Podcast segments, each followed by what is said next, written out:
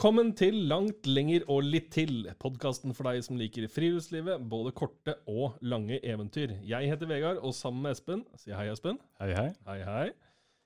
I tiden fremover skal vi lose dere gjennom flere episoder der vi følger en nerd på tur fra Hamar til Bergen. Og den nerden, det er deg, Espen. Ja, Hva fikk deg til å gå nettopp denne turen? nettopp denne turen her. Jeg tenkte jeg eh, ville ta meg en liten eh, gåtur, egentlig. Eh, Jeg hadde lyst til å dra Norge på langs uh, god stund, Eh, men eh, så ikke helt eh, åpningen for det. Og da tenkte jeg ja, kompromiss, jeg drar Norge på tvers Ja, det er jo en god del lenger med Norge på langs. Ja, et stykke lenger. Eh, du har sagt til meg tidligere at du har ikke peiling på det her, at du har veldig lite erfaring. Altså, betyr det at du ikke har vært i fjellet før? Har vært i speideren nå, Ja. militæret, Ja, ja. eh, for mange herrens år siden. Ja, Det er vel min erfaring. Okay. Så litt manko eh, er det. Ja. Men, men mange herrens år siden er vel ikke, Espen? For du er jo ikke så gammel. Militæret er vel eh, åtte år siden, og Ja, okay. speideren er Lenger. en del lenger. Eh, og da er jo spørsmålet da, Espen, siden dette her også kalles da nerd på tur, Ja. ser du for deg at du kommer til å bytte ut tastaturet med telt? Nei. Nei. Jeg er en smule for glad i dataspill eh, fremdeles. Men det er jo da begynner jeg å se litt på kanskje det finnes andre verdener enn de fantasifulle, virtuelle. ja, ut i den virkelige verden. Ja, Ja. Jeg hører at det er ganske bra opplegg der òg, håper jeg. Det er fint utendørs, ja. Bra utvikla. Ja. Mm. Eh, hvis vi tar eh, litt ruta, Hamar-Bergen. Ja. Det er jo et relativt stort hinder eh, sånn umiddelbart. Det er jo Mjøsa. Ja. Eh, jeg har jo kjent deg nok til å vite at du er jo ikke Jesus, så du kan ikke gå over Mjøsa. Eh, og det er ganske langt over å svømme, Et, et stykke. et stykke. Ja. Så hvordan løser du det første store hinderet? Når jeg først eh, så på det, så tenkte jeg at jeg går bare over brua. Ja. Det er som eh, mange andre gjør, det er derfor vi har bruer. Ja. Men eh, så nyere tid så kom jeg på at vi har jo båter òg. Ja, så det har vi fått. ja, det er en fantastisk eh, utvikling. eh, Ganske gammel ennå. eh, teknologien, altså. Men eh, Ja. jeg tenkte en båttur over er en fin start på turen. Ja, så du, tar, du kjører rett og slett skibladner over da, eller? Nei, Skibladneren eh, den er dessverre ikke i ruta helt ennå. Starter ikke før litt ut i juni. Men uh, kjører med Mjøs Charter, som er en liten taxibåt som kjører frem og tilbake mellom uh, Mjøs byer.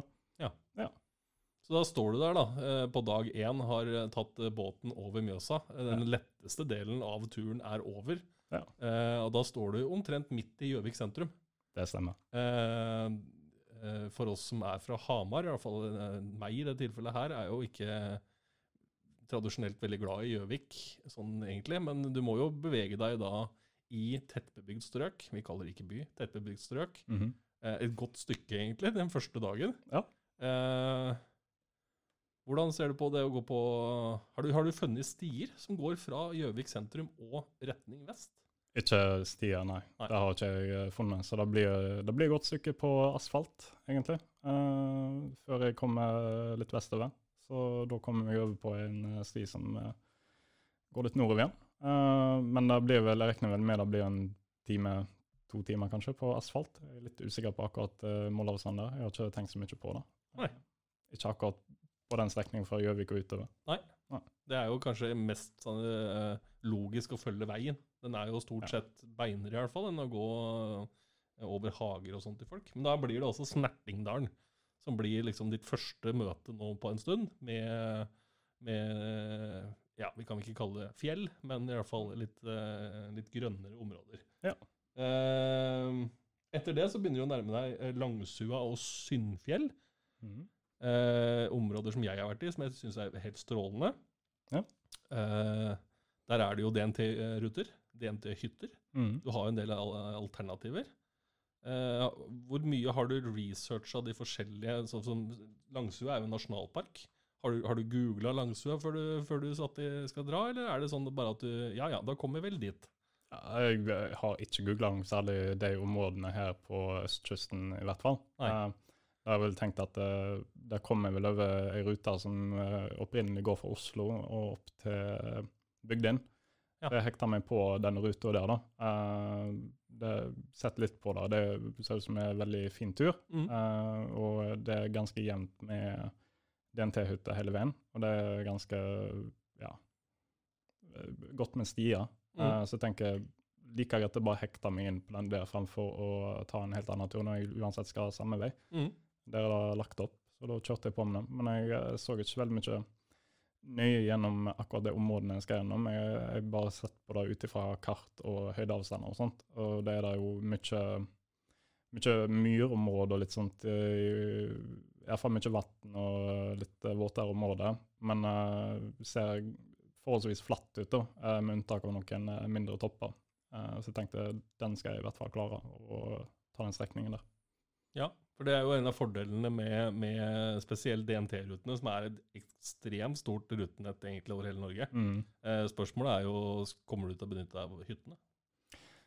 Det blir vel eh, noen hytter jeg kommer til å benytte. Eh, Jeg vil jo, Poenget med turen er å liksom koble meg litt vekk fra alt av eh, teknologi og sånt. Eh, Så jeg kommer for det meste at jeg overnatter ute, men det blir nok noen tilfeller jeg kommer til å måtte få ordna litt eh, strøm og sånt til utstyr eh, som jeg bruker i forhold til podkasten, blant annet. Mhm.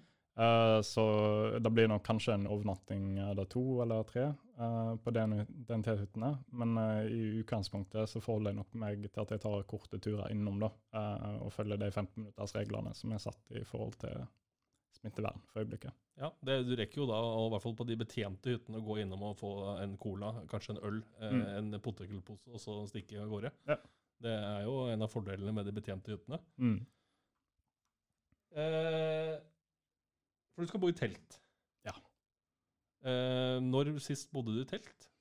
Nå sist jeg bodde i telt. Eh, da tror jeg var russetida Nei, det var i militæret, men uh, russetida før der jeg hadde privattelt. Uh, ikke bodd meg i noe telt i etterkant av det.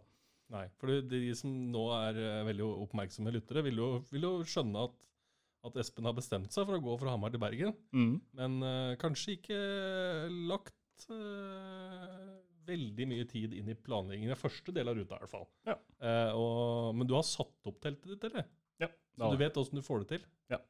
Eh, men altså, jeg satte opp det opprinnelige teltet som jeg skulle ha med meg. Uh, Ja. testet, men nå har jeg jo uh, et annet telt, da, for jeg vil uh, ha en litt annen type telt enn det som var der. For det var ikke så veldig bra oppsett. Men jeg kjører det opp eh, når jeg mottar det. I verste tilfelle, hvis det ikke fungerer, så går jeg med det gamle. Men eh, jeg har et nytt telt på vei da, som jeg skal sette opp og Ja. få testa. Mm. Skjønner. Hvorfor, eh, hvorfor telt? Hvorfor ikke hengekøye? Du er jo en, eh, en eh, i mine øyne de kaller det litt sånn hipster-typen. Det er jo veldig veldig populært nå med hengekøyer.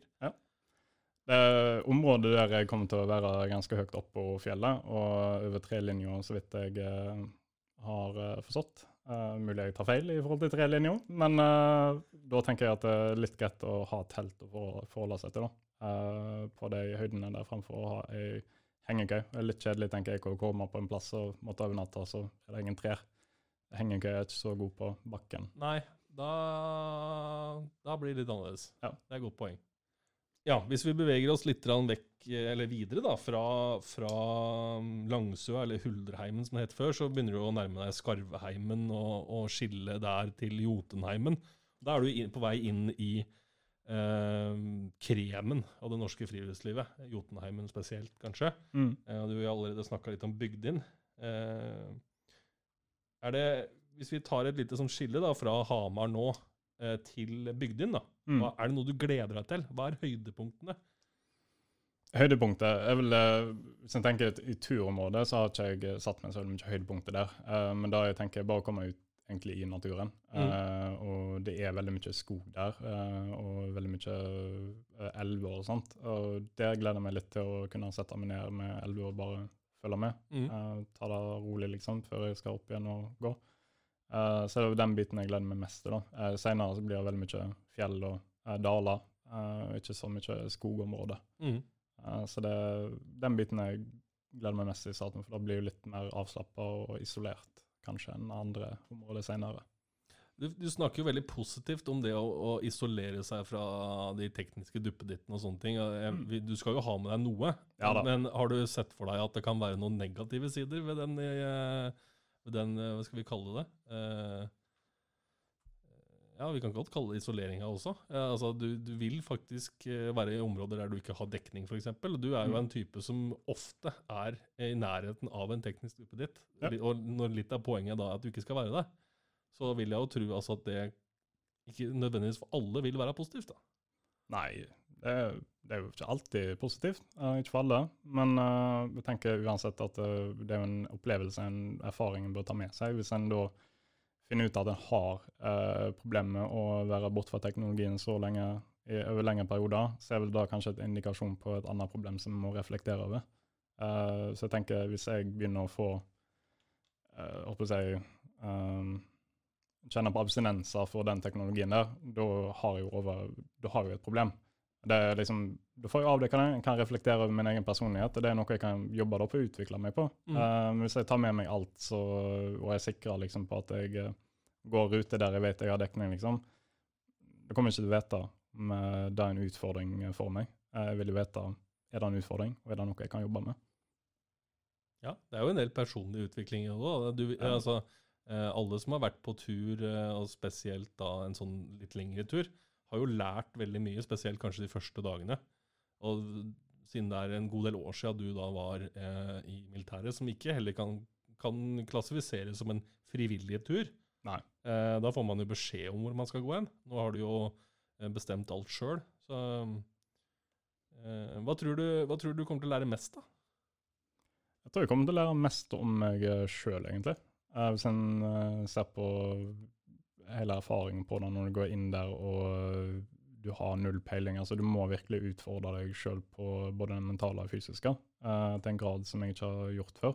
Uh, og den utviklingen der kommer nok til å være størst, bare på den personlige biten. Uh, når det kommer til navigering og sånt, ja, jeg har ikke vært så mye på tur. Ja, jeg lenge siden jeg har vært på tur òg, men det, det er noe som jeg har uh, ganske god kontroll for. Jeg har en ganske stor interesse for eh, konseptet navigering. da. Eh, så det er noe som jeg, uten å ha brukt det nødvendigvis ute i marka og sånt, har lest og studert en del eh, for meg sjøl. Jeg er litt fascinert over konseptet, hvordan du finner fram til ulike plasser, og bruker eh, landemerker og gjerne kryssnavigering, holdt på å si. Eh, triangulering på ting. Jeg syns sånt er spennende. Så du går ikke etter eh, Du vil ikke bare bruke sola og, og stjernene for å flytte deg vestover, med andre ord? Nei, det er kanskje litt upålitelig å bruke stjerner og solo, tenker jeg. jeg bommer nok litt på målet mitt. Ja, altså Det kan jo at du kommer deg vestover, men det er ikke sikkert at du lander akkurat der du skal være. da. Det er altså- jo eh, utfordringen. Hvis jeg skulle gått direkte vest, så kunne jeg kjørt på da. men uh, nå skal jeg en del nord òg, så det var litt greit å ha litt andre mål. Eh, Ja, for det er jo et spørsmål, fordi du, eh, du starter jo Hamar, og så tar du båten over til Gjøvik, og så skal du gå da et, et stykke da, gjennom tettbebygd strøk og på, på vei. Du snakka om et par timer, kanskje. Mm. Eh, hvorfor ikke bare starte på andre sida av Mjøsa? Er ikke det enklere? Starte på andre sida av Mjøsa. Ja, hvorfor ikke? Altså, hvorfor, eh, hvorfor, hvorfor er det Hamar-Bergen? Det kunne jo vært eh, Snertingdalen-Bergen. Ja, det kunne jeg jo da, men eh, Eller, eller er du, du er ikke gift til, eh, til, eh, til tittelen Hamar-Bergen, på en måte? jeg er ikke gift, da, men det er litt gøyere å si Hamar-Bergen når jeg bor i Hamar, Og og er fra Bergen-området. Så det er ikke noen sånn spesiell grunn til at jeg akkurat har valgt det, men jeg tenker uansett Det blir jo egentlig, hvis du tenker på det, litt mer Gjøvik-Bergen om jeg tenker gåavstanden òg. for jeg tar jo båten direkte over til Gjøvik, så da blir jo Gjøvik som utgangspunkt til startpunktet mitt der. Mhm. Altså Hvis jeg skulle gått til Snerten-Bergen, så måtte jeg uansett tatt en båt eller bil over, tenker jeg. Mm. Ja. Så Det er bare egentlig at du organiserer deg sjøl, istedenfor å Ja. Ja. Ja, for Hamar-Bergen vi, vi eh, Igjen, oppmerksomme lyttere vil jo høre at du har dialekt, Espen. mm, en Um, smule. Ja, den er jo også Den dialekta er vel, kan vi si, hører til på Vestlandet. Ja. Ja.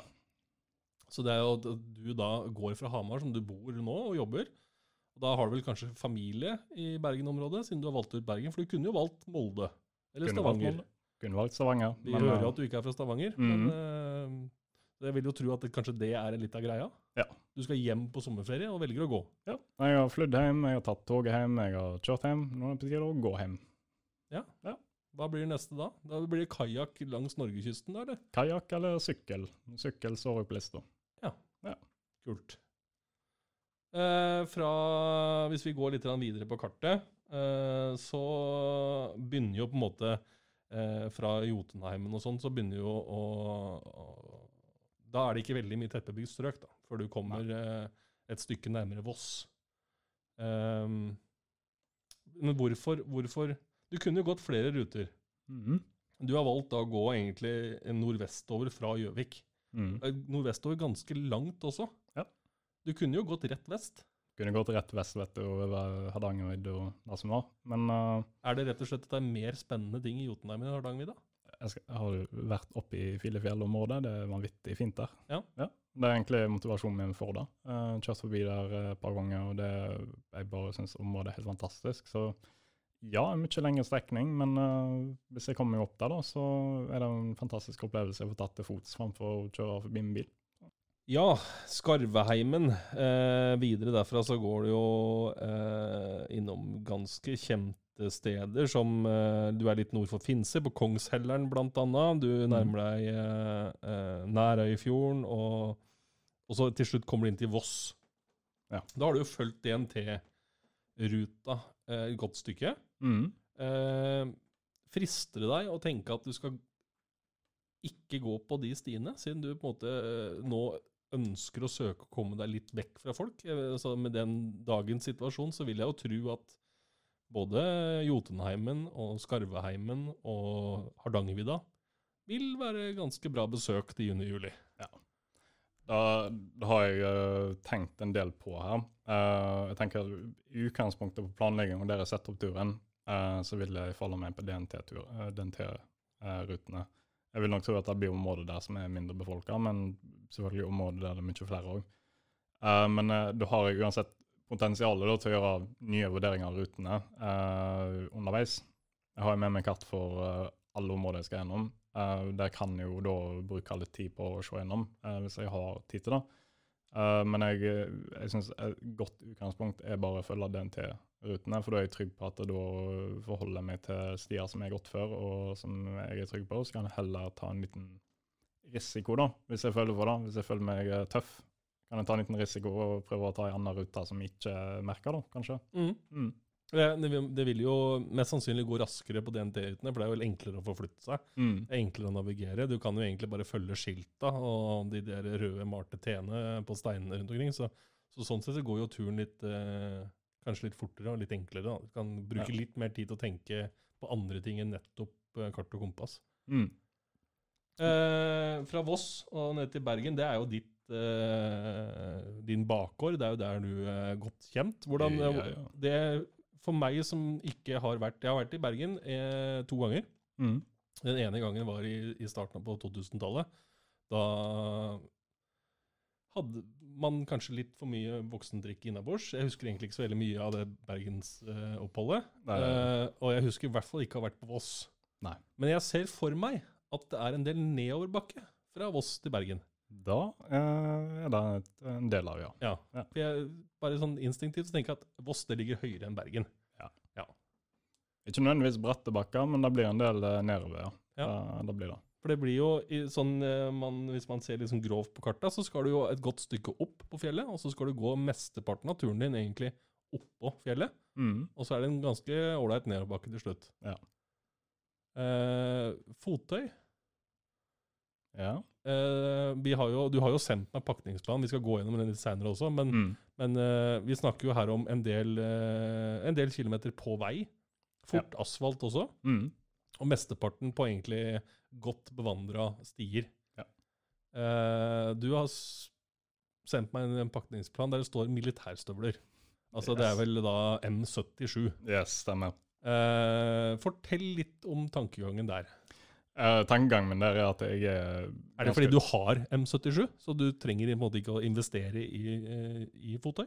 Ikke nødvendigvis bare at jeg har de. Eh, jeg slipper jo selvfølgelig investeringer, men det er sko jeg har vært ganske trygge på. Jeg har mm. gått uh, lengre avstander både på asfalt og i uh, tur med dem. Og jeg har aldri opplevd å få noe gnagsår eller eh, ubehag på føttene mine. Det kommer sikkert til å endre seg på denne turen her. Men uh, det er iallfall sko jeg er sikker på, da. Uh, og jeg tenker eh, hvis jeg føler de er behagelige, jeg har gått uh, mye med de før og ikke hatt noe særlig problem med, så tenker jeg da det blir en fin start å bruke dem, da. Uh, for det er sko jeg kjenner og som er godt inn godt for meg. da tenker jeg ja, ta det, så hvis det plutselig blir krise, så får det bli noen andre sko med gnagsår. ja, for det er jo det er i, i, hva skal jeg si, i moderne tid så er det jo et utradisjonelt valg. Ja. De fleste har jo enten ja, De kan jo ha lærstøvler, men kanskje ikke militærets lærstøvler. Eller så har de jo syntetiske Gore-Tex-sko og sånne ting. Ja. Og så er jo det som er uh, interessant der, da, at i det øyeblikket du forlater Gjøvik, så må du jo nesten til Voss for å få kjøpt deg et nytt par sko. Ja. Uh, men da har du kanskje med deg en backup, eller? Jeg har med meg eh, backup i uh, lettere sko, da. Uh, som jeg, jeg er jo ikke vant til i samme grad som uh, militærstøvlene. Men jeg har med et lettere par hikingsko å gå med. som blir da det som jeg kommer primært til å bruke på veier og sånt. da. for der er jo feltstøvlene ikke helt optimale. selv om jeg ikke nødvendigvis merker så mye ubehag på den, så er det sikkert å ta noe litt enklere på seg. Mm. Eh, så jeg har et par reserver som er ganske enkle. Lette å gå på. Uh, og i krisesituasjoner så kan jeg jo ta større deler av turen med deg. Selv om det er sommer, så Selv om jeg blir våt, så er det jo sommer, så det er jo ikke verdens mest ubehageligste å være våt på føttene da. Nei, Og de som har gått i militærstøvel, vet at du blir våt på innsida av de skoa også. Ja, absolutt. Nei, Det er godt, uh, godt å tenke på det. Jeg, jeg mm. stussa jo litt på når du sa det. Uh, jeg har også et par militærstøvelser som jeg syns er ålreite. Mm. Uh, og da sier jeg ålreit, fordi jeg tror ikke jeg heller jeg har satt i, i mars på å gå ja, en røff 50 mil på de skoa, men det er jo Ja, kjør på. Ja. Det blir jo spennende å høre åssen det går. Ja. Uh, og så har jeg også sett uh, pakningsplanen at du har med deg sånn førstehjelpsskrin, og det er et ganske godt fylt førstehjelpsskrin, så du har jo litt å, å, å fylle på og reparere med, da. Ja. Jeg tok det som uh, lå tilgjengelig. Så. Ja, ikke sant? Mm -hmm. hvis vi kikker litt på utstyr, da, som selverklært nybegynner og aldri før gått på frivillig tur, bare blitt fortalt hvor man skal gå. Mm -hmm. Hvor mye utstyr hadde du egentlig når du fant ut at du skulle begynne med det her? Uh, det, jeg hadde ordna meg sekken i forkant og uh, litt uh, den skjelljakken og skjellbuksene. Ja. det hadde jeg. Så har jeg en del småting som jeg har fra kjøpt tidligere, urelevant til denne turen her. men mye av det er ordna på spesifikt for turen, da. Det er jo gjerne Kanskje en, noen vil se en ganske dum investering, for jeg kunne helt sikkert lånt og ordna andre ting fra andre. Men eh, jeg tenker hvis jeg da investerer i det, så legger jeg òg et press på meg til å fortsette med det.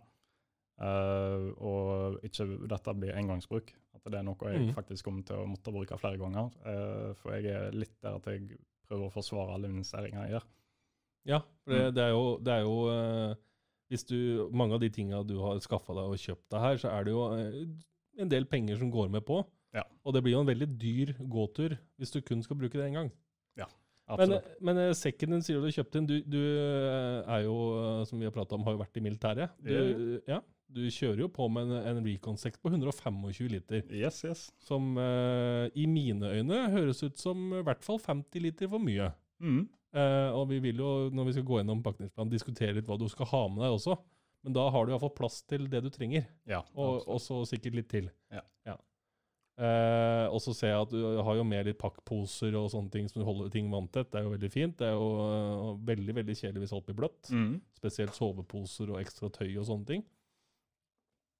Uh, kart, kompass, kartmappe. er jo smart. Ja. Ikke forlat eller gå på tur uten. Nei. Eh, DNT-nøkkel, også smart. Mm. Kan jo komme deg inn på sikringsburet, i hvert fall, hvis det blir dårlig vær. Eh, og så har du, har du lagt et eh, Du har litt morsomme sånne overskrifter på de her eh, delene på pakningsplan. Litt uh, spesielt på enkelte ting, ja. ja. Eh, det er en du kalt, valgte å kalle fashion statement. Yes. Og det er jo da det du skal ha på deg. Ja, ja. Uh, og her er jo de vanlige tinga. ikke sant? Du har ullsokker, du har, uh, du har to stykk tynne og lette hettegensere. Ja, det er samme vektform som er T-skjorta, så da har jeg uh, Kjører to av dem, så jeg har en våt og en tørr. Ja, Og så har du to T-skjorter. Ja. ja. Så du har da fire plagg Nei, vent da, du har en ting til. Nettingskjorte. Yes. Så da er vi oppe i fem plagg Mm. på eh, overkroppen som ikke er isolerende eller vannavvisende. Nei. Skjønner. Du har to par shorts. Ja. Eh, shorts og badeshorts. For du har tenkt å bade i det isvannet oppå Skarvheimen. Tenkte jeg ta med en badetur. Ja, ja, det er noen som gjør det også. Det er, jeg, synes jo, jeg, jeg hørte jo nå de sa- pratet på at det var litt over 20 grader i Mjøsa. Jeg venter jo i hvert fall et par måneder til før jeg dypper tåa nedi. Nå kommer man til Vestlandet, det, der det er godt og kaldt. Ja, ja fordi havet eh, er vel ikke spesielt varmt i Norge langs kysten, kanskje. Jeg vil tro Mjøsa er varmere enn havet, i hvert fall. ja, Ja. skjønner. Jeg er jo, som man sikkert da skjønner, landkrabbe. Mm. Jeg, har ennå ikke vært Jeg har vært på båt på Mjøsa én gang.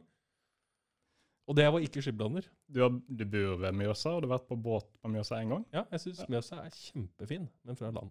Ja. Eh, ja. Tursko, lette par tursko. Eh, var, var hva lette? Altså, hva snakker vi da? Snakker vi sånn superlette Nike-sko, eller snakker vi Gore-Tex, liksom? Eller, Eh, ikke Gore-Tex, men altså sånn fjellsko. Ja. Eh, det Skal vi se hvordan skal jeg beskrive skoene, holdt på å si. Eh, det er ikke den type Gore-Tex lærsko sånn, som er opp til anklene. Nei. Type. Det er litt mer som uh, en sneaker, men uh, laga for turer som har gode såler. eh, Men uh, det blir ingen isolering i forhold til vann på overtoppen. da. Så det Mm. uh, Hvis jeg kan Jeg tror vekta på de er 400-600 gram. eh, så ganske, ganske lette sko. Ja. eh, som blir bra alternativ. Nå er det ikke så tungt å ha i sekken. tenker jeg. Nei, og det er jo ganske vanlig å ha med seg et par ekstra sko eh, til de skoa du går i, bare for at den følelsen når du kommer fram i leiren og har satt opp Mm. eh, teltet og begynner å koke vann og lage deg mat, så er det nok veldig godt å skifte sko. da. Mm. Eh, Det er veldig mange som bruker crocs. Ja. Eh, Det er jo også et element her at du skal faktisk Du må antageligvis krysse noen elver, eller bekker for den saks skyld.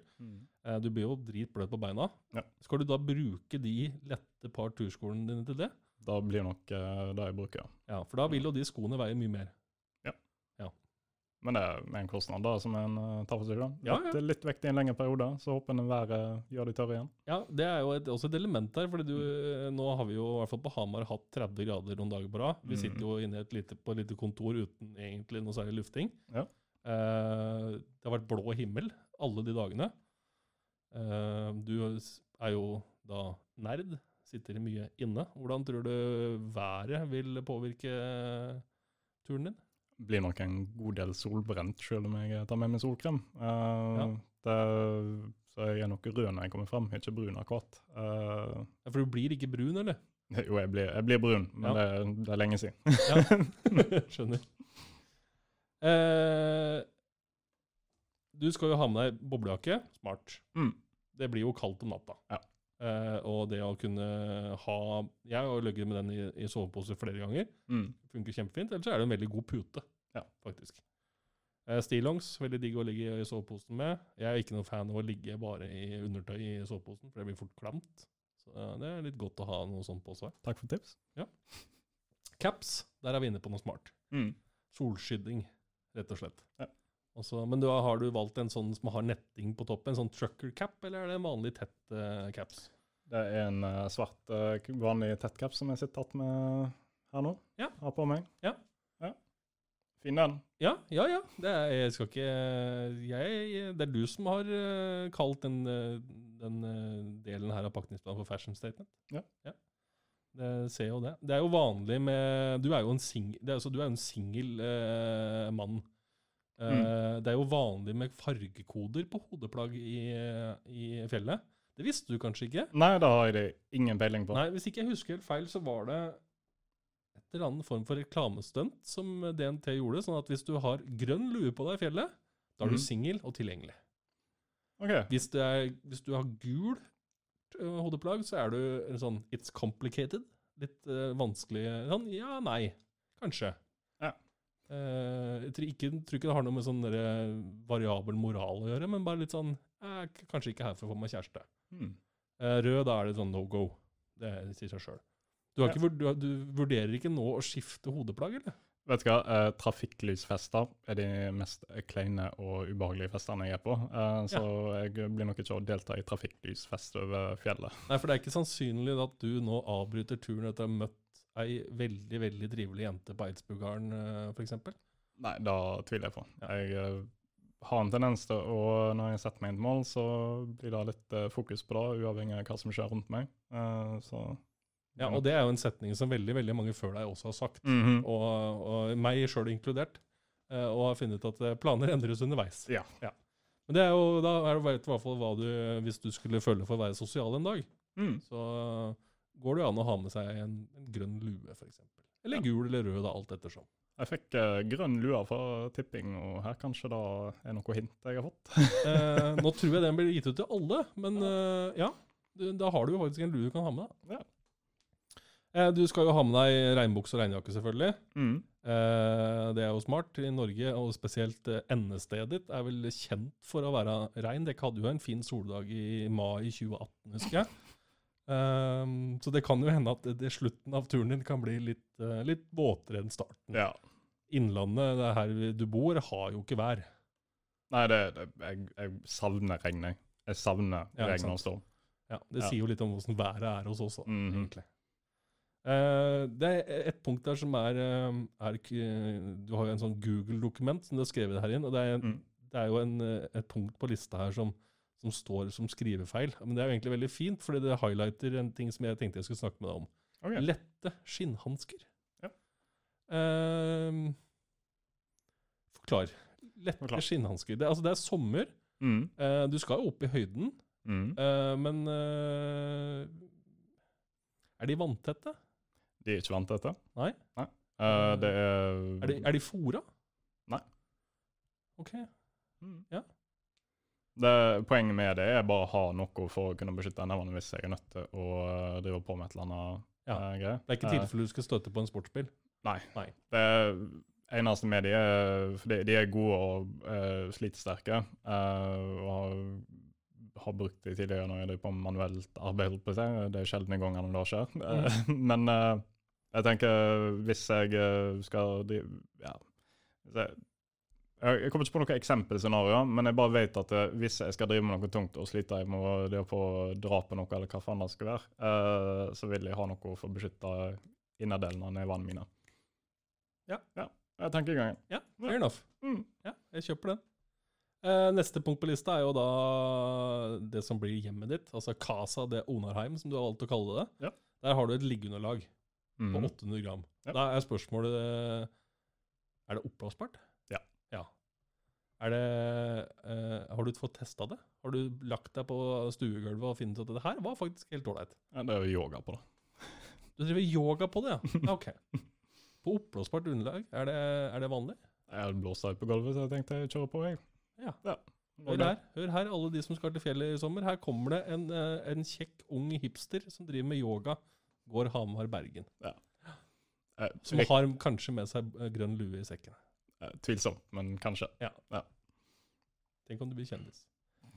Eh, du skal ha med deg en Helsport Alta sovepose på 980 gram. Ja. Det eh, har du valgt fordi at den passer med temperaturen, vil jeg tro. Ja, med den som var hjemme hos foreldrene mine når jeg Ja. var hjemme i jula. Har du sjekka hva komforttemperaturen på den soveposen er? Jeg har sjekka det, jeg har ikke i hodet akkurat nå. Eh, men jeg har Du vet at den passer? Jeg vet at den passer, Ja. ja.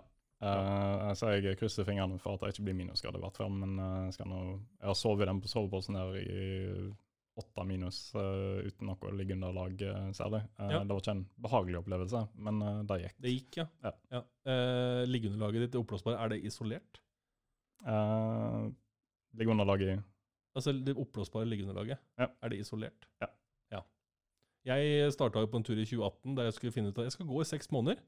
Eh, prøvde å få sekken så lett som overhodet mulig. Mm. Tenkte at eh, nei, nei, nei. Isolert liggende lag, det trenger vi ikke å drive med. Eh, og sommersovepose, det går helt fint. Trenger ikke det. Våkner opp til snø. Mm. Ja. Eller våkner opp er jo feil å si, for jeg sover jo ikke. Men ja, det er jo et godt poeng. Du kan jo fort få noen kalde kvelder hvis du velger feil på de to tinga der. Ja. Eh, oppblåsbart hodepute, det er, det er veldig mo, mote nå. Det er litt sånn en greie. Ja. Jeg har eh, prøvd det. Uh, syns at det funka egentlig bedre med en jakke. Litt, ja. litt sånn subjektivt hva man, hva man liker, tror jeg. Mm. Det blir nok eh, muligens en blanding, men uh, jeg har egentlig ikke testa den 100 ennå. Det burde jeg kanskje gjøre før jeg uh, drar på tur. Men uh, bitte liten sak, oppblåsbart, Jeg tenker ja, kan være greit. Hvis Ja. jakken min er våt, i hvert fall, så kan jeg bruke den. Ja. Uh, hvis jakken skal være mer komfortabel enn ho- hodeputa. Men uh, greit tar noe å sette over med. Ja, jeg har jo eh, vært borti det og fant, ut at det her funka ikke. Ja. Så eh, det, kan, det var mange andre som brukte det, så det kan godt hende at eh, det virker som det er et stort marked for det, så Ja. for all del. Den største delen på, på Casa de Onarheim er jo teltet ditt. Mm. Det snakka vi litt om her om dagen også. Mhm. jeg først jeg har jo da investert i nytt telt. Har du har bestilt noe? Ja. Mm. nå, og jeg var veldig kry også. Mm. Så nå er jeg veldig stolt. Du har jo valgt et Abisco View eh, tomannstelt på tre kilo fra Fjellreven. Ja. Eh, vi kikka litt på det. Kan du si litt hvorfor valgte du akkurat det teltet? Uh, først og fremst et uh, tre, tresesongstelt, Ja. uh, primært sommer. Uh, det som uh, jeg så for meg kom til å bli et problem i en del områder, er varmen. Mm. Og den har ganske god lufting, ventilering.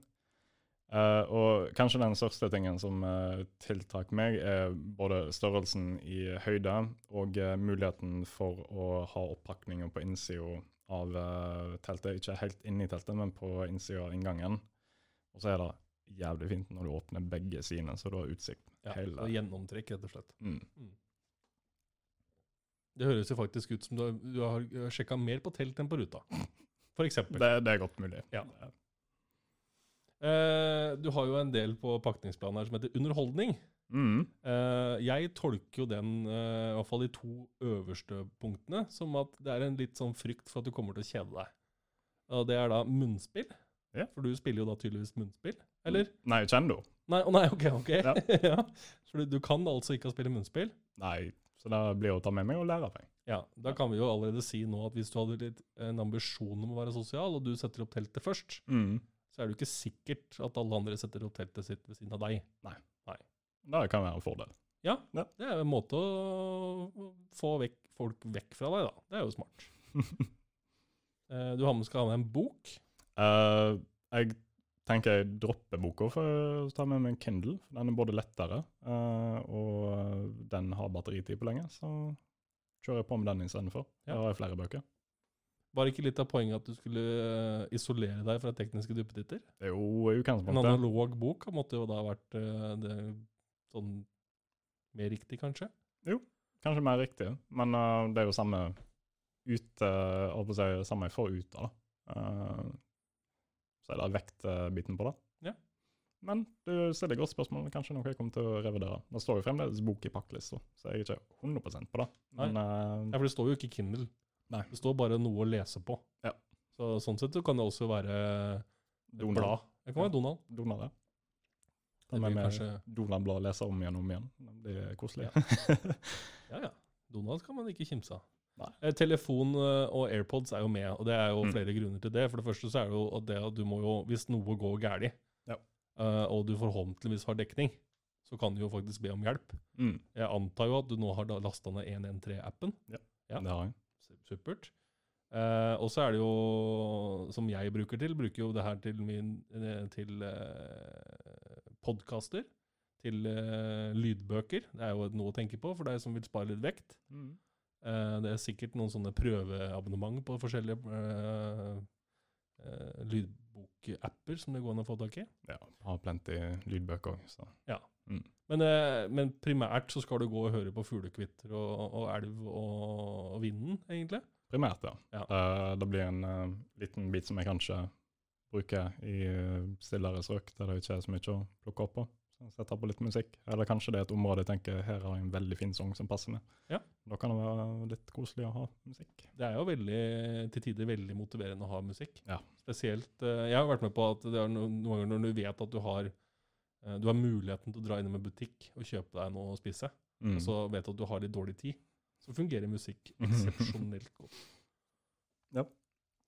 Eh, og så skal du jo også spille inn podkast på turen. Ja, Så stemmer. en måte å kommunisere på annet enn eh, varder og flagg og røyksignaler hadde jo vært kjekt. Så telefonen funker jo bra. Ja, jeg tror det er veldig dårlig dekning mot Hamar, eh, fra Hamar og fjellområdet på røyksignal, i hvert fall. Det jeg Ja, det må ha et ganske stort bål, i hvert fall. Ja. Eh, underholdningsbiten er jo ganske kort, det er bare de to tingene. Eh, men likevel, så sånn i kilo så kan det her, eh, litt avhengig av hvilken bok du velger, skal du ha med deg hele Harry Potter-samlinga f.eks., så blir det jo noen kilo. Jeg har jo skjønt at det er ikke, kanskje ikke målet. Mm, nei. Eh, førstehjelpsutstyr. Kjempeviktig å ha med. Nå har vi allerede snakka om at du eh, har med deg litt ting til for gnagsår. Du Mm. har lasta ned 113-appen, så at den er med. er veldig viktig. Og så har du jo da førstehjelpsutstyr. Og Der vil jeg tro at det er noe du tar med deg fra den tida i militæret. Det, det hadde jo en stor interesse for uh, sanitet, holdt på å si. Eh, så det er bare noe som jeg har holdt meg forfriska på hele tida. For jeg, hvis det skjer noe, så jeg har kunnskap på det, så er det greit å være litt forberedt. Ja, for her, her snakker vi enkeltmannspakker. Vi snakker plaster, mm. saks, pinsett, eh, sånne desinfiserende eh, servietter, sportsteip, kompre kompress, latekshansker, trekanttørkle, Mm. sikkerhetsnåler, førstehjelpshefte og diverse småting. Ja. Den, jo, den blir romslig og fin, den, den, eh, den posen der, tenker jeg. Mm. Det er, det er jo veldig viktig å ha med seg. det. Nå, eh, sånn, nå, nå har du jo med deg kart og kompass, og du har med deg førstehjelpsutstyr. Mm. Og så er det en måte å kommunisere på. Da har du jo på en måte redda deg inn fra mye. Samtidig som det er jo på en rutenettet til DNT, da. Ja. Du er jo høvelig, høvelig trygg. ja, altså hvis jeg eh, snubler og brekker beinet, så er jeg trygg på at jeg kommer meg hjem igjen. Ja, hjem kommer du for så vidt uansett, da. Ja. På et eller annet tidspunkt. Uh, det som eh, jeg alltid syns er morsomt å snakke om når du skal på sånne turer som det her. mm. Eh, og jeg har gått noen nå, og jeg har eh, både bomma og truffet ganske godt, eh, litt sånn annenhver gang egentlig. Hva er det jeg egentlig har lyst til å spise? Mm. Eh, og vi har jo diskutert det litt, og jeg tror jeg og du har en forskjellig inngang på det. Jeg er jo potetmosmannen. Ja. Det er min store lidenskap på matsida i fjellet. Mm. Eh, du har uh, snakka en del om real turmat og sånne frysetørka ting. Ja, jeg tror kanskje du har misforstått meg Oi. litt grann der, da. Eh, jeg, jeg har planer om å ta det med som reserveprovienter. Jeg vil alltid ha tre dager i reserve. OK. Det, det er jo lette pakninger, dette her, og kan stappe det ned i sidelomma, for jeg har ikke en liten sekk. Nei, akkurat. den, den sekken Så- har du nok til å ha reserveting med deg. Plass er ikke et problem der. Nei. Eh, og eh, da kjører jeg bare tre dager for Jeg, jeg har lyst, uavhengig av jeg er på eh, tursida og DNT utover alt Hvis det skulle skje noe greier og jeg, jeg eventuelt går meg vill, jeg går over stiene og ikke finner fram tilbake, hva enn som skjer, eh, ikke dekning. Jeg har lyst til å ha mat og dekke inn for eh, det helt ekstremt eh, dårligste tilfellet, liksom. Eh, Mm. ekstremtilfelle. Så jeg har ikke planer om å bruke det der uten, med mindre jeg kjenner veldig litt på lysten på det, og jeg er ikke så langt unna et nytt mål der jeg kan ordne reserve, andre reserver. Men uh, ja, hvis det skjer noe, så vet jeg jeg har, mat. Jeg har mat. Hva, hva, hva skal du spise? Uh, der kjører jeg eh, litt uh, blanding på uh, det, det, viktige, det viktigste jeg eh, meg for, er variasjon på ting. Ja. Så jeg, jeg må ha en frokost, jeg må ha lunsj, jeg middag, og så gjerne kanskje noe på kvelden for å bare spise litt. Grann. Mm. Eh, men uh, frokost blir det jo eh, mye uh, typer frokostblandinger, eller havregryn og litt sånn. Uh, og lunsj så ordner vi jo noe nøtter og uh, noe som er lettspist. da. Eh, ikke noe stort måltid i hele tatt. Barer og sånne ting, liksom? Ja. Ja. Litt sånn. Uh, og middag så blir det jo å finne litt Dette blir jo noe som jeg gjør litt underveis på turen. Jeg pakker ikke veldig mye av dette her i starten, men som jeg ordner litt langs turen. Eh, det blir jo forskjellige måltid i henhold til å få i seg både kjøtt og fisk og grønnsaker, og variere ut fra det, da. Mm. Uh, så få litt ulike typer eh, næring i seg. Det er ganske ambisiøst, da, egentlig. Du kunne jo valgt en vesentlig enklere vei inn på matfronten, egentlig. Du kunne jo, du kunne jo kjøpt real turmat og dekka det inn for hele turen. Det, jeg syns de er kjempegode, men uh, litt av der og hvis jeg eh, har tid og rom for det, så kjør på med litt matlaging sjøl òg. Ja. Jeg er jo stikk motsatt. Jeg, jeg takler jo ikke å starte morgenen med å lage mat. Så jeg er jo mer på den derre ja ja, da tar vi oss en bar, og så går vi bare. og så stopper jeg når jeg blir sulten til lunsj. Ja. Eh, kjenner jo flere som eh, sverger til den havregrøten. Eh, jeg spiser jo havregryn og mjølk hver morgen når jeg er hjemme. Mm. Men akkurat på tur, da Jeg har rett og slett ikke den tålmodigheten. Jeg vil opp og gå. Nei, det er godt mulig jeg ikke har den tålmodigheten heller, men starter med det i planen, og så fortsetter vi nå. så ser jeg på andre alternativer. For akkurat uh, hva en skal ordne seg til måltid hver dag, det er mulighet for å endre på. Ja, og det vil jo sikkert også en, eh, merke at eh, etter hvert som du begynner å spise ut av den matposen, Mm. så blir jo de kjipeste tinga igjen, Mm. stort sett, hver Ja. gang. Så når du vet at du har én eller to dager igjen til, eh, til du skal få mer mat, så er det ofte man sitter og tenker sånn Hvorfor i all verden tok jeg med meg det her? Nå har du spist alle de gode tinga. Kanskje Mm. du til og med har gått løs på realturmaten bare for at du ikke orker å ta og spise de tinga som du egentlig skal ha med. Ja, det kan være. Eh, det er i hvert fall min erfaring. Sånn pleier jeg å være. Mm. Eh, men du har jo da med deg en eh, primus, en gassboks, du har med deg panne og grytesett. Ja. Jeg kjører nok bort med panna der og kjører kun gryta. Så jeg Ja. har muligheten til å koke vann, og du kan bare steke ting i gryta.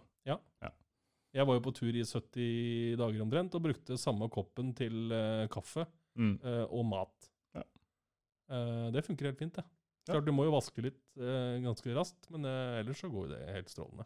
Ja. Jeg bare tenker, Hvis jeg skulle komme ut for å ordne meg i stang langs veien, da, det ligger jo ikke i pakningsplanen, for jeg orker ikke å starte med fiskestang. Men hvis jeg kommer litt i området der jeg har mulighet til å fiske, så kan det være jeg ordner meg litt lita stang eller noe. Kan jeg rett og slett steke en fisk i panna, eller ja. gryta, holdt på å si. Ikke bare ha en kopp der jeg kan steke en åttendedel av fisken om gangen. Ja. Det er jo bedre med stekt fisk enn kokt fisk også. Ja. Ikke det? Ja. Det hadde jo vært et, et flott villmarksskue å se deg i en, eh, i en elv midt oppå fjellet der som Tom Hanks i Castaway med det spydet for å prøve å ta en fisk, da. Ja. Skal jeg prøve å ordne det for deg. Skal ta et bilde. Ja, Ja. det hadde vært litt kult. Eh, ja, så da vil jeg jo tro at uh, gryte, grytesettet blir gryte, kanskje? Eller skal du ha Ja. flere gryter? Nei, jeg tar bare ei gryte. Ja. Da holder det. Uh, du skal ha med en seksliters vannbeholder. Da vil jeg tro at det er en sånn, en sånn trekkspillpose, kanskje? Eller er det en vanlig vanntett pose? Ja, det, det, det som jeg fant meg fram, var noe Altså, det, det er vanlig uh, aluminiums-plastkombinasjonpose, Ja.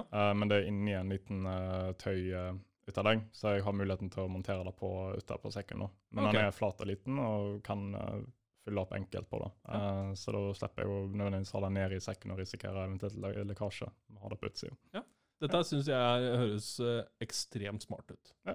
Uh, I hvert fall på de turene jeg har vært på, som det kanskje har vært unaturlig å sette opp teltet rett ved vannet, fordi det er jo mer fuktig der, det er kaldere Mm. der. Å kunne ta én tur ned til bekken for å hente vann istedenfor en sju-åtte, Mm. kjempesmart. Ja. Det er jo- Eh, Plutselig så finner du ikke rent vann heller. Selv om jeg regner med det, ut fra det jeg, det jeg har sett på ruta mi, så er det jo vann nesten hele veien. Men eh, ja, noe også... av det er dårlig. Noe kommer jeg sikkert ikke føle meg trygg på. Og da er det greit å ha litt i reserve. ja, for du har også planlagt med en halvliters fla- vannflaske, Ja. og det er det. Det er det, Ja. Det, det tenker jeg holder. Ja. Det, jeg, eh, mulig jeg òg Eller mulig jeg bytter den ut med en liters eh, plastflasker som jeg bare har komprimert helt tynn og liten. Så jeg Ja. kan bare fylle opp den òg. Så får vi se. Det er òg greit med én liter, så er iallfall nok til måltid ut fra den flaska. Ja, altså jeg tenker at hvis du eh, Jeg pleier ikke å gå med mer enn én liter vann i sekken til hver tid. Mm. Uh, sett at jeg har planlagt godt nok da, og ser at om noen kilometer så kommer det et nytt vann. Mm. Uh, og så lenge man ser at ok, ikke alle bekkedragene er uh, tørre, så er jo ikke det noe problem i Norge, stort sett. Men klart, det kan jo hende at du må på et tidspunkt bære med deg litt. Kan kan du bruke den vannbeholderen òg ta med deg litt ekstra, selv om det kanskje ikke er helt sånn superoptimalt å ha bare slengende på sekken, så er jo det fullt mulig. Ja, Det er mulighet for det. Jeg, kommer sikkert ikke til å bruke den til å, mens jeg går, men uh, jeg har muligheten. Vannrensetabletter, det er jo en, en som er, jeg opplever som noe nytt i Norge, som vi har begynt med nå i siste. Vanligvis så snakker man om det ferske, friske fjellvannet som er det beste du kan få tak i. Og så har vi nå begynt å legge klortabletter oppi det. Hva var det Hva var den saken var igjen med vann, drikkevannet som var forurensa? Det er vel kanskje Ja, det er jo den kjipeste måten, Mm. altså rent praktisk også, den kjipeste måten å- avslutte turen på, Mhm. er jo midt oppå fjellet der, der du ikke kommer deg noe sted. Ja. Fordi du har blitt matforgifta, eller vannforgifta. Sitte og vente og tømme kroppen eh, midt ute på fjellet. Det er Ja. ikke en hyggelig opplevelse, kan jeg tenke meg. Det er Men, også, også smart, da holder du deg på den sikre sida. Du vet hele tida at det vannet du drikker, og i tillegg er rennende, så Mm. er du godt innafor. Ja. Vil jeg tro. Mm. Eh, bestikk, smart. Slipp å spise med henda. Mm. Eh, fyrstikker, Blir nok kanskje ordna en liten leit der i tillegg. Ja, backup. Og så proviant for én uke. Ja, det, det, den har jeg gått litt tilbake på etter jeg skrev pakkelista. Så nå nevnte jeg jo det med tre dager reserve som jeg har konstant. Og så Mm. følger jeg litt uh, ut ifra hvordan jeg ser på ruta, hvor mange dager jeg kommer an til å bruke. Uh, så der ser jeg jo litt på uh, når jeg starter, hva den faktiske tempoet mitt blir. Så jeg gjør litt vurdering på hvor mye jeg må pakke om gangen i forhold til hvor mye jeg har igjen. Mm.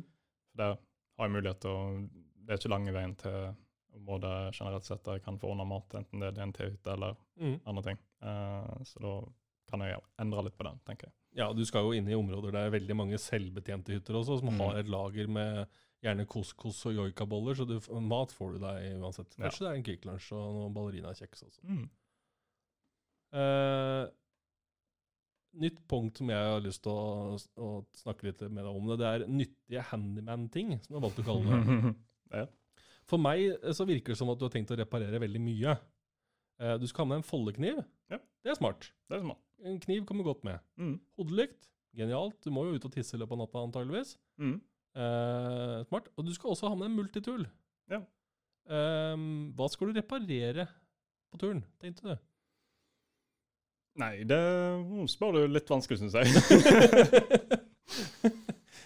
Nei, altså, ser du for deg at, det, at det, liksom, det står en person langs veien med en, med en sykkel som du kanskje Ja, ja, jeg. Har, eh, jeg har en bra korsett, jeg. det er viktig å være hjelpende. Ja. Altså, jeg har Det, som er hovedtanken på det, var at jeg, jeg har med meg eh, litt teknologisk utstyr, uh, som jeg kommer inn på senere. Og da er det greit å ha noe uh, som er litt mer presist i uh, arbeidsmetoden. Nå er ikke multitool det mest presise verktøyet, men det er bedre enn ingenting. Bedre enn foldekniv, sikkert. Ja. Så greit å ha en reserve. Det, det er ikke så mye vekt på sida. da har jeg til å kunne ordne litt på småting som eventuelt eh, blir faktisk ødelagt. da. Mm. Det tenker i hvert fall at det er kjedelig å stå der ute med enten det er ja, bøyle på noe, ting som har revnet, eller hva det skulle være. liksom, ikke, Jeg trenger uh, noe mer presist verktøy. Så Mm. det er kjedelig å ikke ha det. Du er jo opptatt av å sikre deg for alle eventualiteter, da. Det er jo det Ja. tryggeste av alt. Ja, det, det er liksom det jeg tenker jeg må hoved ha størst fokus på. Eh, og være trygg, altså sikre meg godt nok, i og med at jeg går ut i dette her eh, med liten til ingen erfaring. Mm. Eh, så burde jeg i hvert fall være god på de sikre bitene der. Så jeg vet at hvis eh, noe skjer, så har jeg eh, alle sikkerhetsnettene rundt meg nå. Ja, for den, den sekken din er jo i ferd med å bli en sånn MacGyver-sekk. Ja. Der eh, du kan lage alt, egentlig. Ja. Skulle du finne på å lage ei flåte, så har du det i sekken. Ja, bare Litt sånn, eh, pakkposene og Ja, det er litt sånn som teltet til Brødrene Dal, da. Det er mm. mye større på innsida enn det er på utsida. Ja. Eh, powerbank. Eh, du har ikke gått for solcellepanel, da Nei. antar jeg? Det er solcellepanel. eh, Etter min erfaring og etter det jeg vet om det, så er det lite energi du får igjen for det. Lite strøm du får igjen for. Det er mye jobb. Lite, Ja. lite du, må, du er jo avhengig av da, sol. Mm. Uh, det vil du jo mest sannsynlig ikke få fra Voss til Bergen, Ja. f.eks. eksempel. Det vil jo regne hele tida, Mm. sånn jeg uh, tolker nyhetene og været. Uh, ja, det tryggeste med powerbank, egentlig. Ja. Og så er det jo eh, veldig mange av DNT-hyttene har jo eh, også et utløp så du får lada på de selvbetjente hyttene. Mm. Eh, det er veldig, veldig kjekt. Ja. Ikke superrask lading, men du får noe. Ja. Eh, og hvis du har tenkt å gå mye og, og lukte på blomster og høre på, på fuglene, så trenger du heller ikke å, å bruke telefonen hele tida. Da vil du jo kunne spare en del strøm også.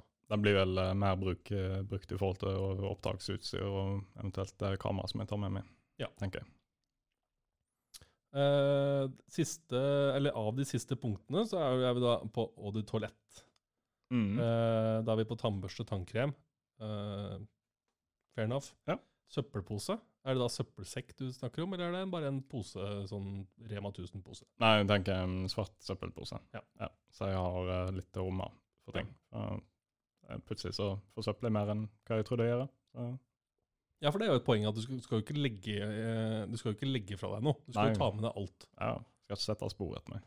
nei, Det er jo et veldig godt uh, prinsipp. Ja. Eh, og da snakker vi også toalettpapir, som er eh, høvelig nyttig. Mm. Eh, Fordelen du også har, er jo at du vil gå, din ruta vil jo gå innom en del hytter. Så du har også muligheten til å Ja. stokke opp med det, da. Mm. Eh, dokumentasjon. Ja. Speilreflekskamera. Mm, Eh, jeg kutta den ut fra en GoPro. Ja. Ja. Men ny teknisk duppeditt. Mm. Ja. Ny teknisk uh, duppeditt. Du skal ha med et stativ. Ja. ja og så skal du ha med deg lydopptakutstyr til podkasten. Mm. Ehm, hvordan syns du den uh, isoleringstanken din fra tekniske duppetitter eh, på hvordan, hvordan går det når du skal ha med deg Kindle, du skal ha med deg telefon, du skal ha med deg GoPro, du skal ha med deg, du skal ha med deg en god del ting, da. Jeg tror, jeg tror det som er greit å skille litt på der, er jo eh, de tekniske duppedittene som jeg bruker i min hverdag.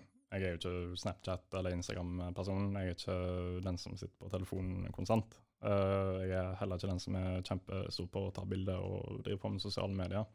Og da kommer jeg heller ikke til å være på turen. Eh, jeg vil bare ha dette litt for å kunne dokumentere da, eh, min egen tur og ha det sjøl. de store teknologiske tingene jeg er borte fra, er jo PC og dataspill og Ja. all den biten der.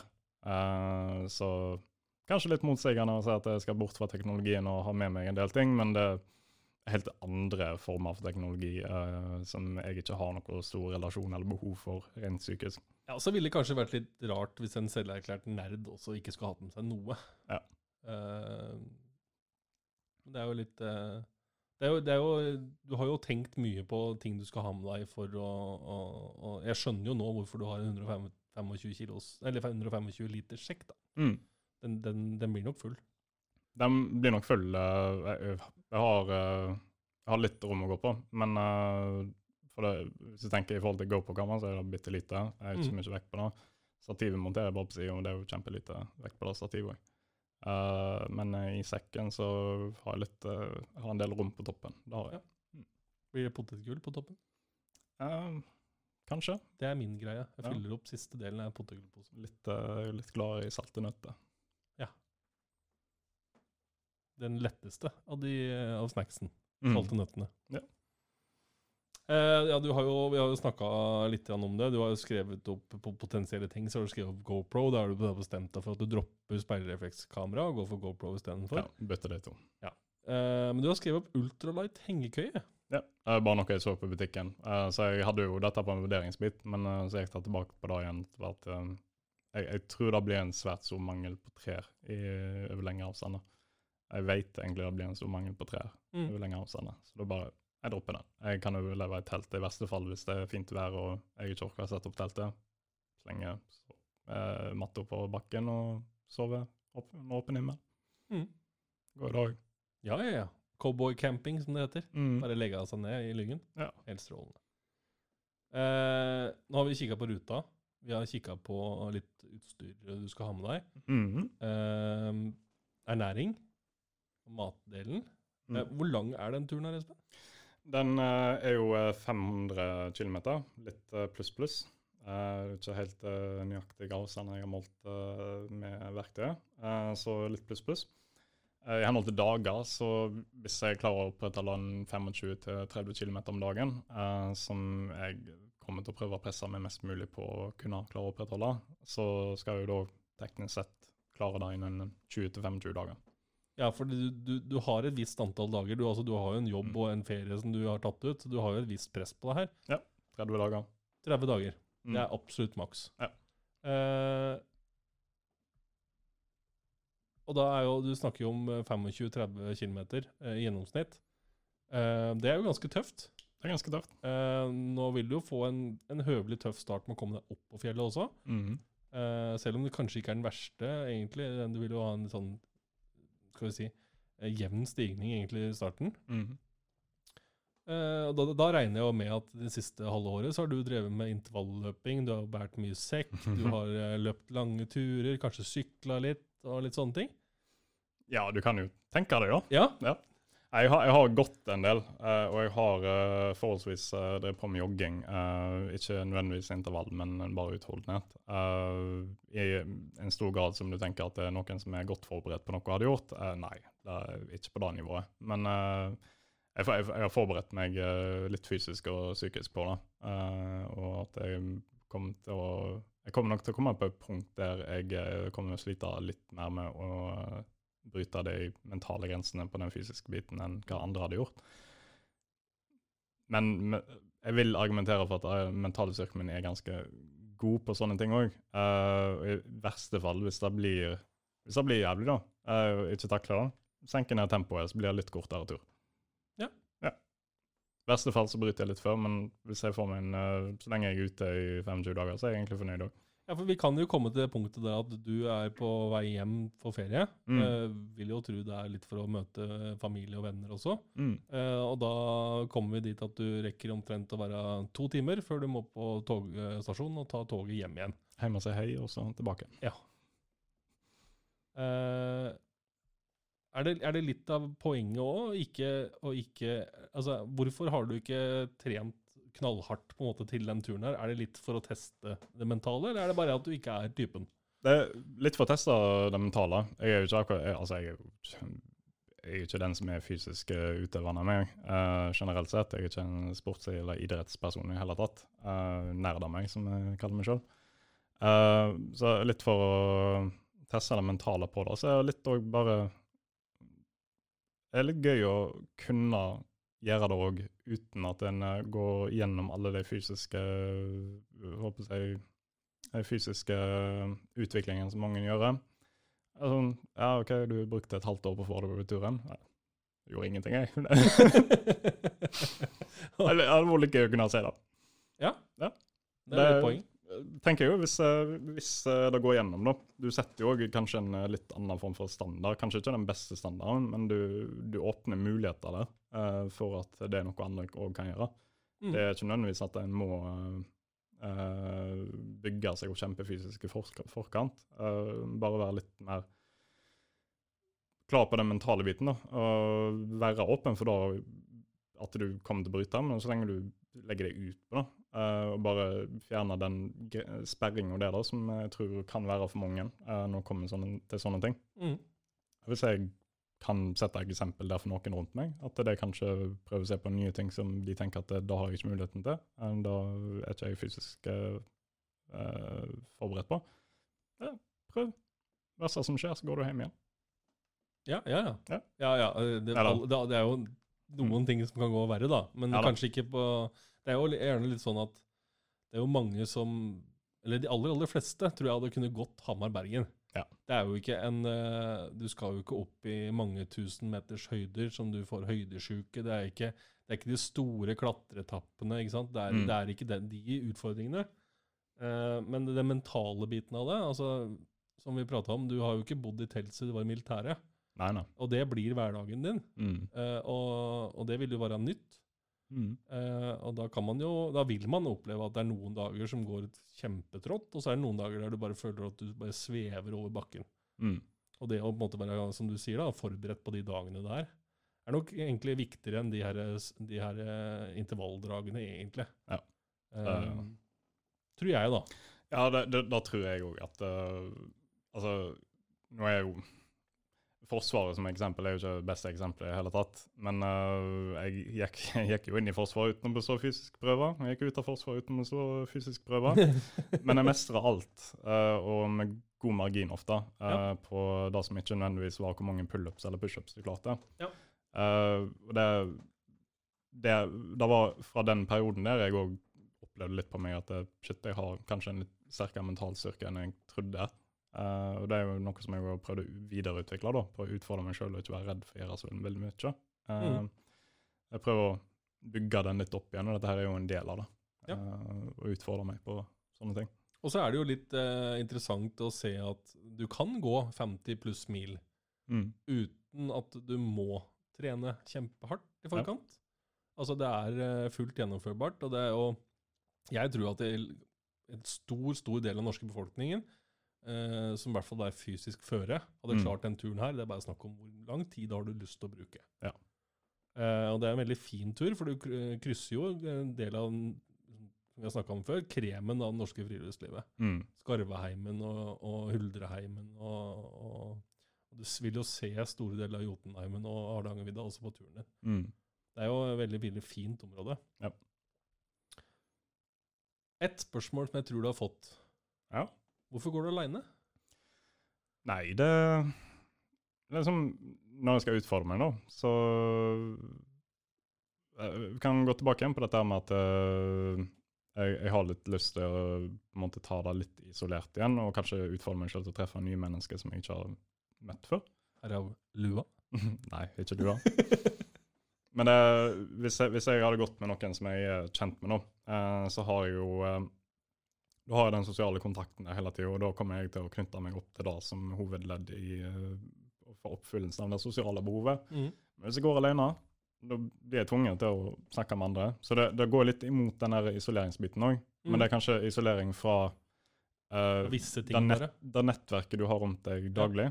Det, for en av grunnene til T-turen er jo da at jeg uh, selvfølgelig da utfordrer meg sjøl, som jeg har nevnt. Men det er jo òg dette her med at eh, du kom Når du driver på jobb sånn som dette og du, når du jobber og du har eh, fem dager i uka hver dag, ferdig med studiet, alt som uh, er, uh, og du går litt i en rutine, kanskje.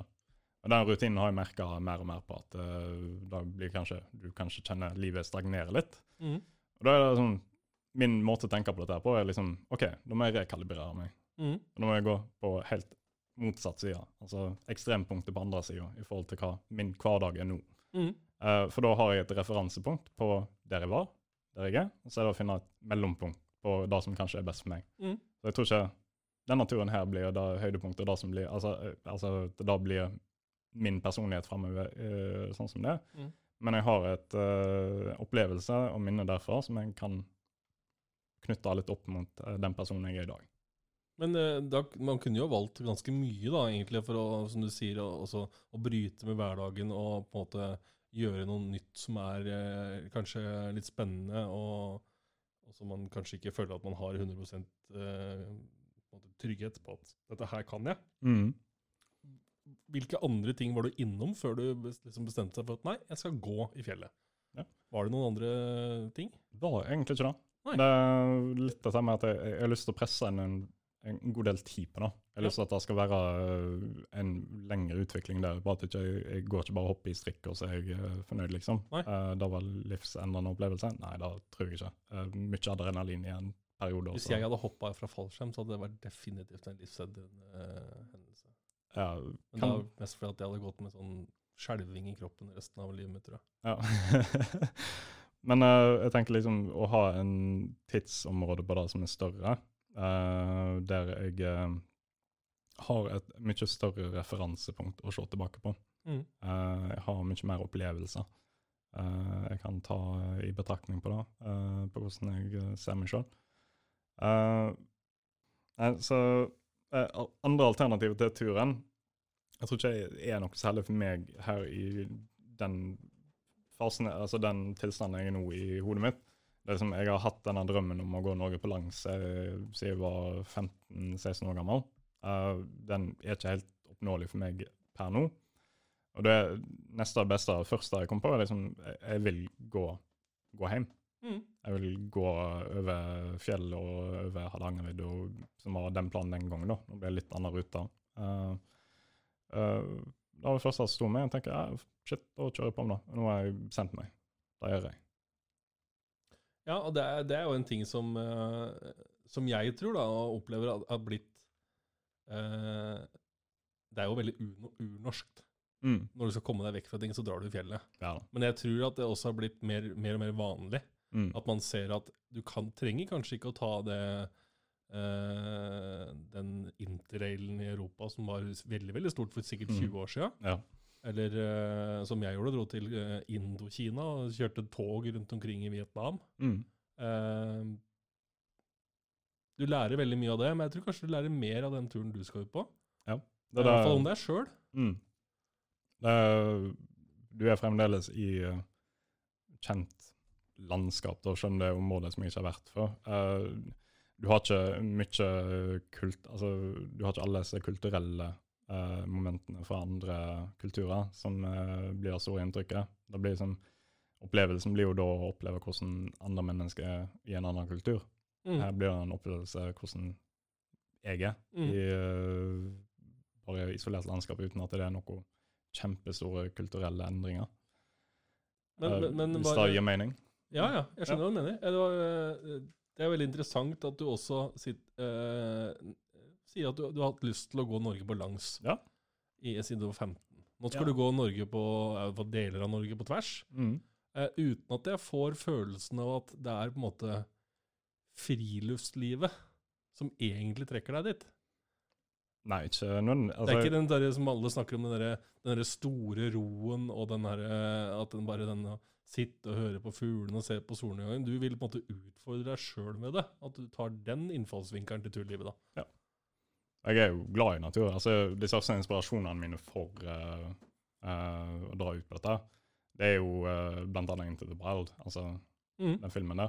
Greit nok, personen dør på slutten. Ja, Ikke ja, ja, det er jo ikke en lykkelig ending. Nei, ikke den mest inspirerende slutten, men det, liksom, det handler jo ikke veldig mye om akkurat friluftslivet. Det handler jo da om å få en disconnect med samfunnet du har rundt Mm. Det er denne jeg kjenner kanskje litt mer på enn uh, dette med å være ute i naturen, selv om jeg, jeg er jævlig glad i naturen òg. Jeg er jo litt sånn hippie av meg òg, ikke bare Mm. Ja. hipster. Ja, ja. Mm. De tingene henger kanskje noen ganger litt sammen. en, en smule. uh,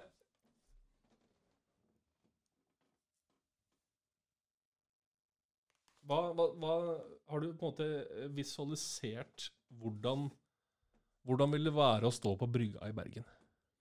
Da tror jeg blir en fantastisk eh, opplevelse. Uh, jeg tror jeg uh, kommer til å komme meg nedover langs siste strekningen der, og komme inn i byen. Det blir sikkert et stykke å gå midt i byen der på, før jeg kommer til brygga. Fristende å ta en buss på slutten, eller? Mm, det blir nok muligens da. Ja. Får se. Kanskje hvis jeg klarer å presse meg til å gå den siste biten, så er jo da litt kulere. Men eh, jeg kommer nok til å få en uh, ganske god ro med meg, da.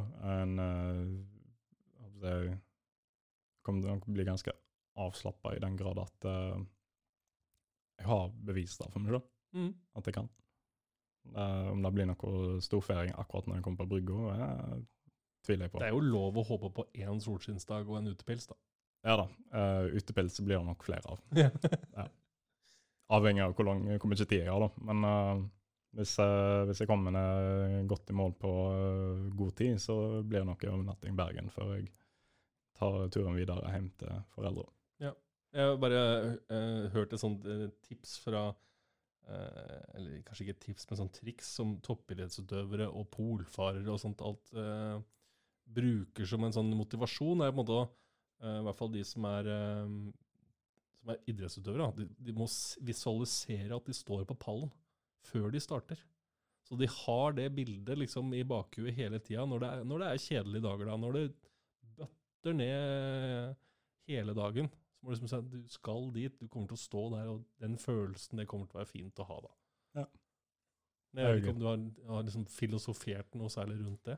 Ikke akkurat den biten der. Eh, jeg eh, driver jo på å kanskje gjøre det, det, det mer dumme, bare ser turen underveis.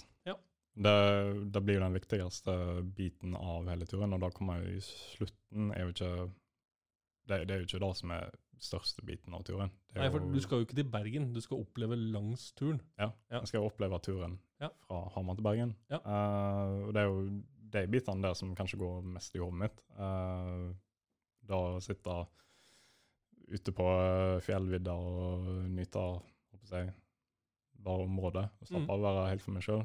driver på med, hvis jeg finner litt avsidesliggende område, kanskje ta en nakenbad og nyte Oi, den oi, biten der. Sånn. Uh, Det er mye flørting her nå i forkant. Nakenbad med grønn lue. Ja. Nei, men eh, så er det andre ting som kanskje finner på Ja, kjøre på airpodsen i ørene og drive på å danse hemningsløst for meg sjøl midt i, ute i et område. Sånn- Folk har gjort rarere ting enn det. Ja. Men jeg har bare lyst til å slå meg sjøl ut og være 100% meg sjøl. I den grad uh, det er mulig. Og det, det, de bitene der jeg visualiserer for meg sjøl, er min mulighet til å være 100% meg sjøl uten noe folk som står rundt og dømmer deg for eh, hvordan du er. Ja, det er vi jo nordmenn generelt ganske gode på. Ja, Ja. det. Dømming, akkurat, det er vi det er sånn Bygdedyret og janteloven og sånne ting er vi jo gode på. Mm. Det er jo Da skal jeg riktignok si jeg er veldig glad, glad i janteloven, men Ja. uh, muligheten til å bare være 100 med i touch med deg sjøl, og bare Enten det er dansing Jeg kan jo ikke danse, men jeg er jævlig glad i å gjøre det. Sant? Ja. Hvis jeg eh, driver på og danser midt ute i gata, så kommer det noen stygge blikk og Uh, Da kan jeg noen kommer og henter deg òg. Ja, Ja. kanskje det. Ja. Men uh, da får jeg muligheten til å gjøre det midt ute i naturen. Sette på noe musikk og bare danse vilt. Det er jo på en måte frihetsfølelsen da, egentlig, som eh, du, Ja. du peker litt på. liksom Å være, kunne bestemme helt sjøl. Ja. Det er jo ikke Det er- noen sosiale eh, måte, grenser eller noe sånt, sånt som egentlig berører deg når du er ute på fjellet. Ja, men Bortsett fra at kanskje... du alltid må hilse når du møter noen på stien. ja, men da, da jeg si hei igjen. Det, Ja, det holder, det vet du. Ja. Altså, det, det er kanskje Når jeg reflekterer på noen av samtalen, så er det kanskje de sosiale normene som òg blir en del av det som jeg prøver å komme litt vekk fra. Mhm. det de, eh, alle de sosiale normene du må forholde deg for eh, dag til dag. Eh, enten det er jobb eller det er ute i offentligheten. Det er sånn, faen, nå kan jeg gjøre akkurat hva jeg vil. Eh, Så lenge det er innenfor lovlig. Men Ja, ja. Det må vi bare forutsette. at ja. eh, Du slår meg jo heller ikke som noen lovbryter. Nei, nei, da er jeg ikke. Uh, Glad i, glad i Norge og glad i lover. og spesielt glad i janteloven. Ja da. Eh, vi skal jo snakkes litt sammen underveis. Mm. Eh, og det er jo litt av poenget òg, å få liksom en sånn eh, en oppdatering på hvordan du har det akkurat der og da. fordi minnet vårt fungerer jo gjerne sånn at hvis vi hadde snakket sammen kun en uke etter at du var ferdig, Mm. så hadde du stort sett tatt opp de veldig veldig positive tingene, og så dempa ned de negative. Ja. Så det hadde jo vært interessant om vi kunne fått én episode, f.eks., der, det- der det er liksom tidenes dag. Der det, det, alt er gått på skinner. Beina er kjempegode, du har god mat, det er, du har medvind i ryggen. altså Alt er helt strålende. Og så neste episode så har det regna tre dager i strekk. Og bare for å, også, også for, å, for å forstå hvordan eh, humøret går litt opp og ned. da. Mm. Jeg gikk jo de 70 dagene jeg pratet på i stad, så filma jeg meg sjøl hver dag. Mm. Og snakka litt liksom, til eh, iPhonen min eh, og la ut på, på Facebook. Eh, jeg merka ikke det sjøl, men folk sier jo da i ettertid at vi merka på det, Vegard, at humøret gikk liksom gradvis nedover. For du var veldig veldig glad i starten, Mm.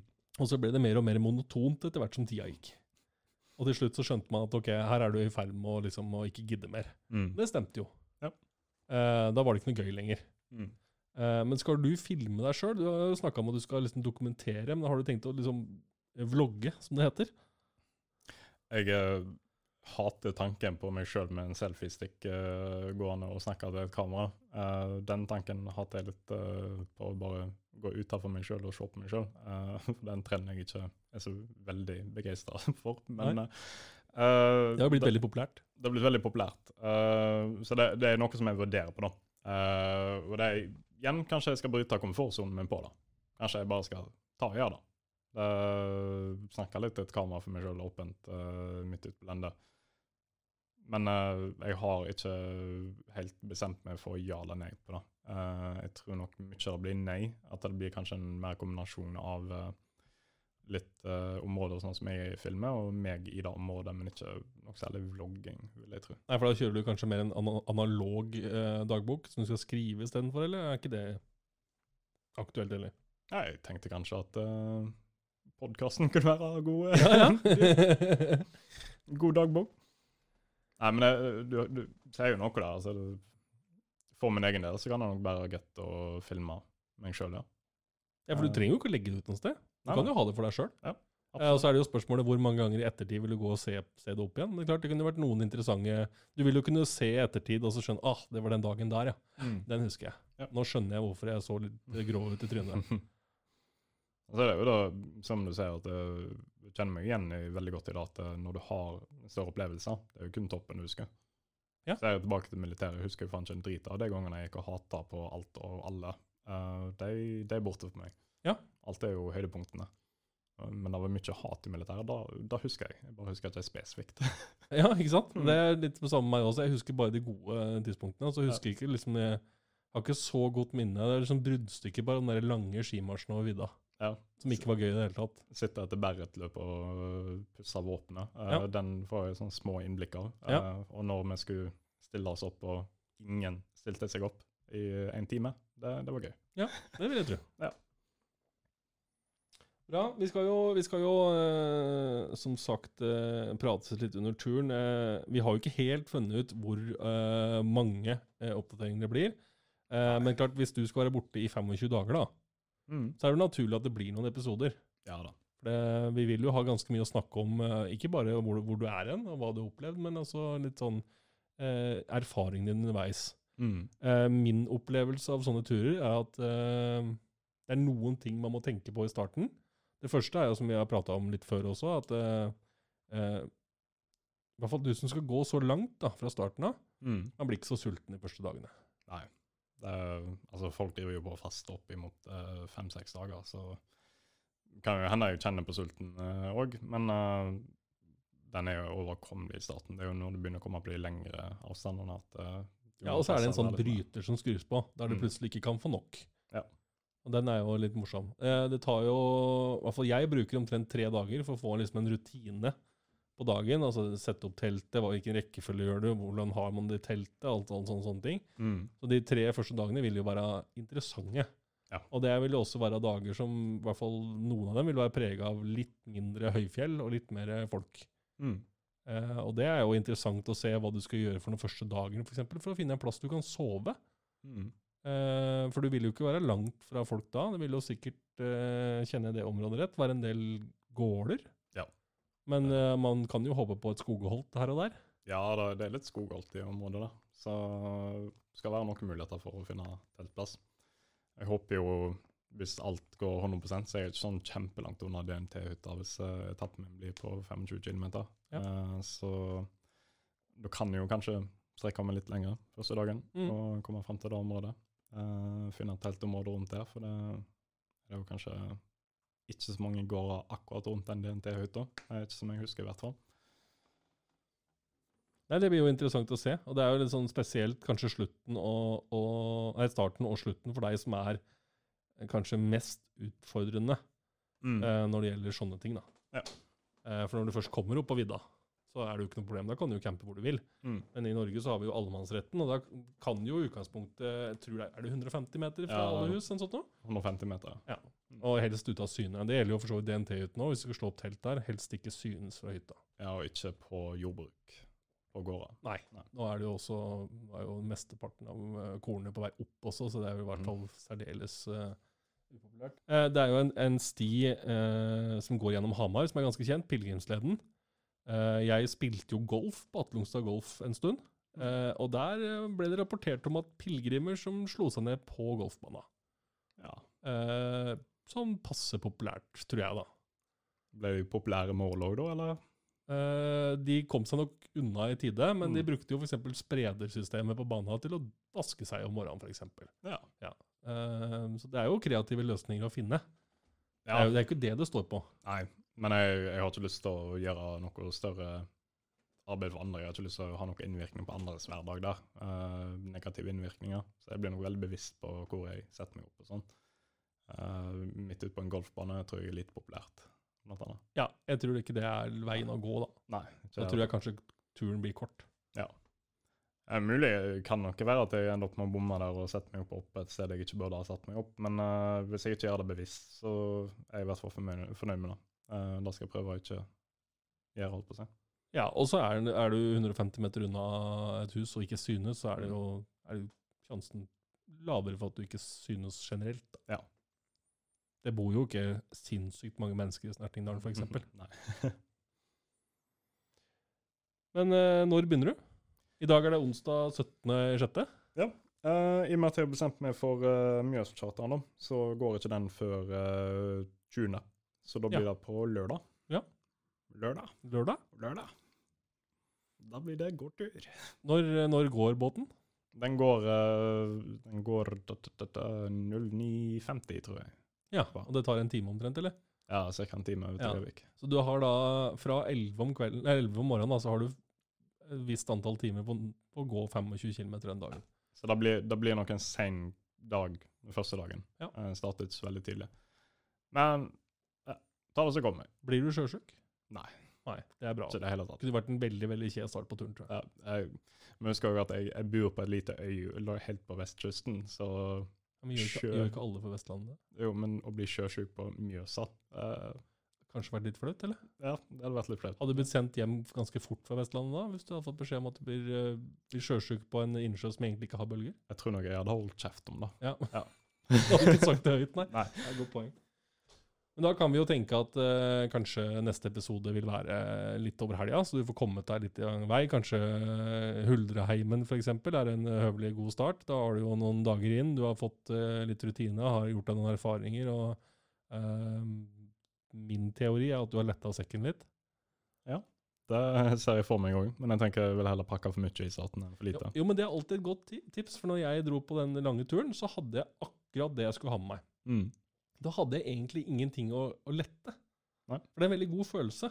Så hvis du finner ut at nei, den Kinderen her eh, og det, den andre tunge tingen, det kan jeg sende hjem i posten. Ja. Så er det sånn åh, så lett og god sekken var. Så er det en opptur. Plutselig så har du fem kilo lettere. Ja, De fem kiloene, de merker du. Mm. Eh, så det er ikke sikkert det er så dumt. Ja, det, det er alltid mulig. Altså, jeg tenker, Hvis du har for mye av ting, det er alltid mulig å ha mindre, men hvis du har for lite, så vanskelig å ordne mer når du ikke har alt tilgjengelig. Altså, jeg har lagt fra meg konjakkflasker og, og tjukke bøker og ganske mye forskjellig rundt omkring på DNT-nyttene for eh, nestemanns for, mm fornøyelse. Så det er fullt mulig å legge fra seg ting. I hvert fall ting som er, eh, som er har noe verdi da, Ja. for nestemann. Mm.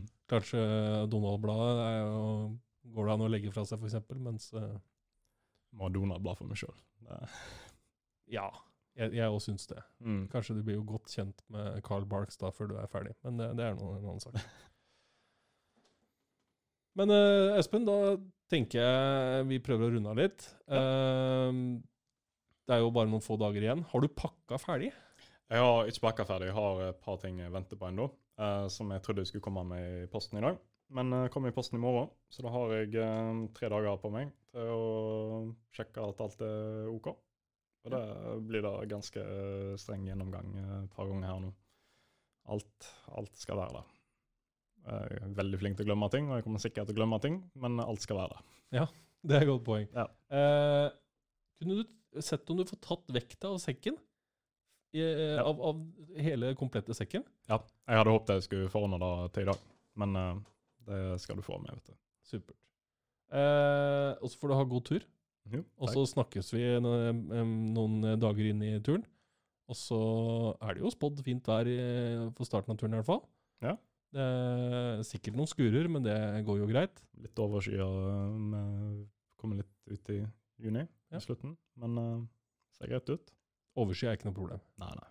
Bare deilig, da. Ja, ja. Slipper å bli solbrent. Mm. Sånn som meg, som har eh, naturlig, eh, anlegg, naturlig anlegg for å bli brun. Naturlig solbrent. Naturlig solbrent. Jeg går egentlig rundt og ja. Ja. Jeg er lakserosa hele året. Mm.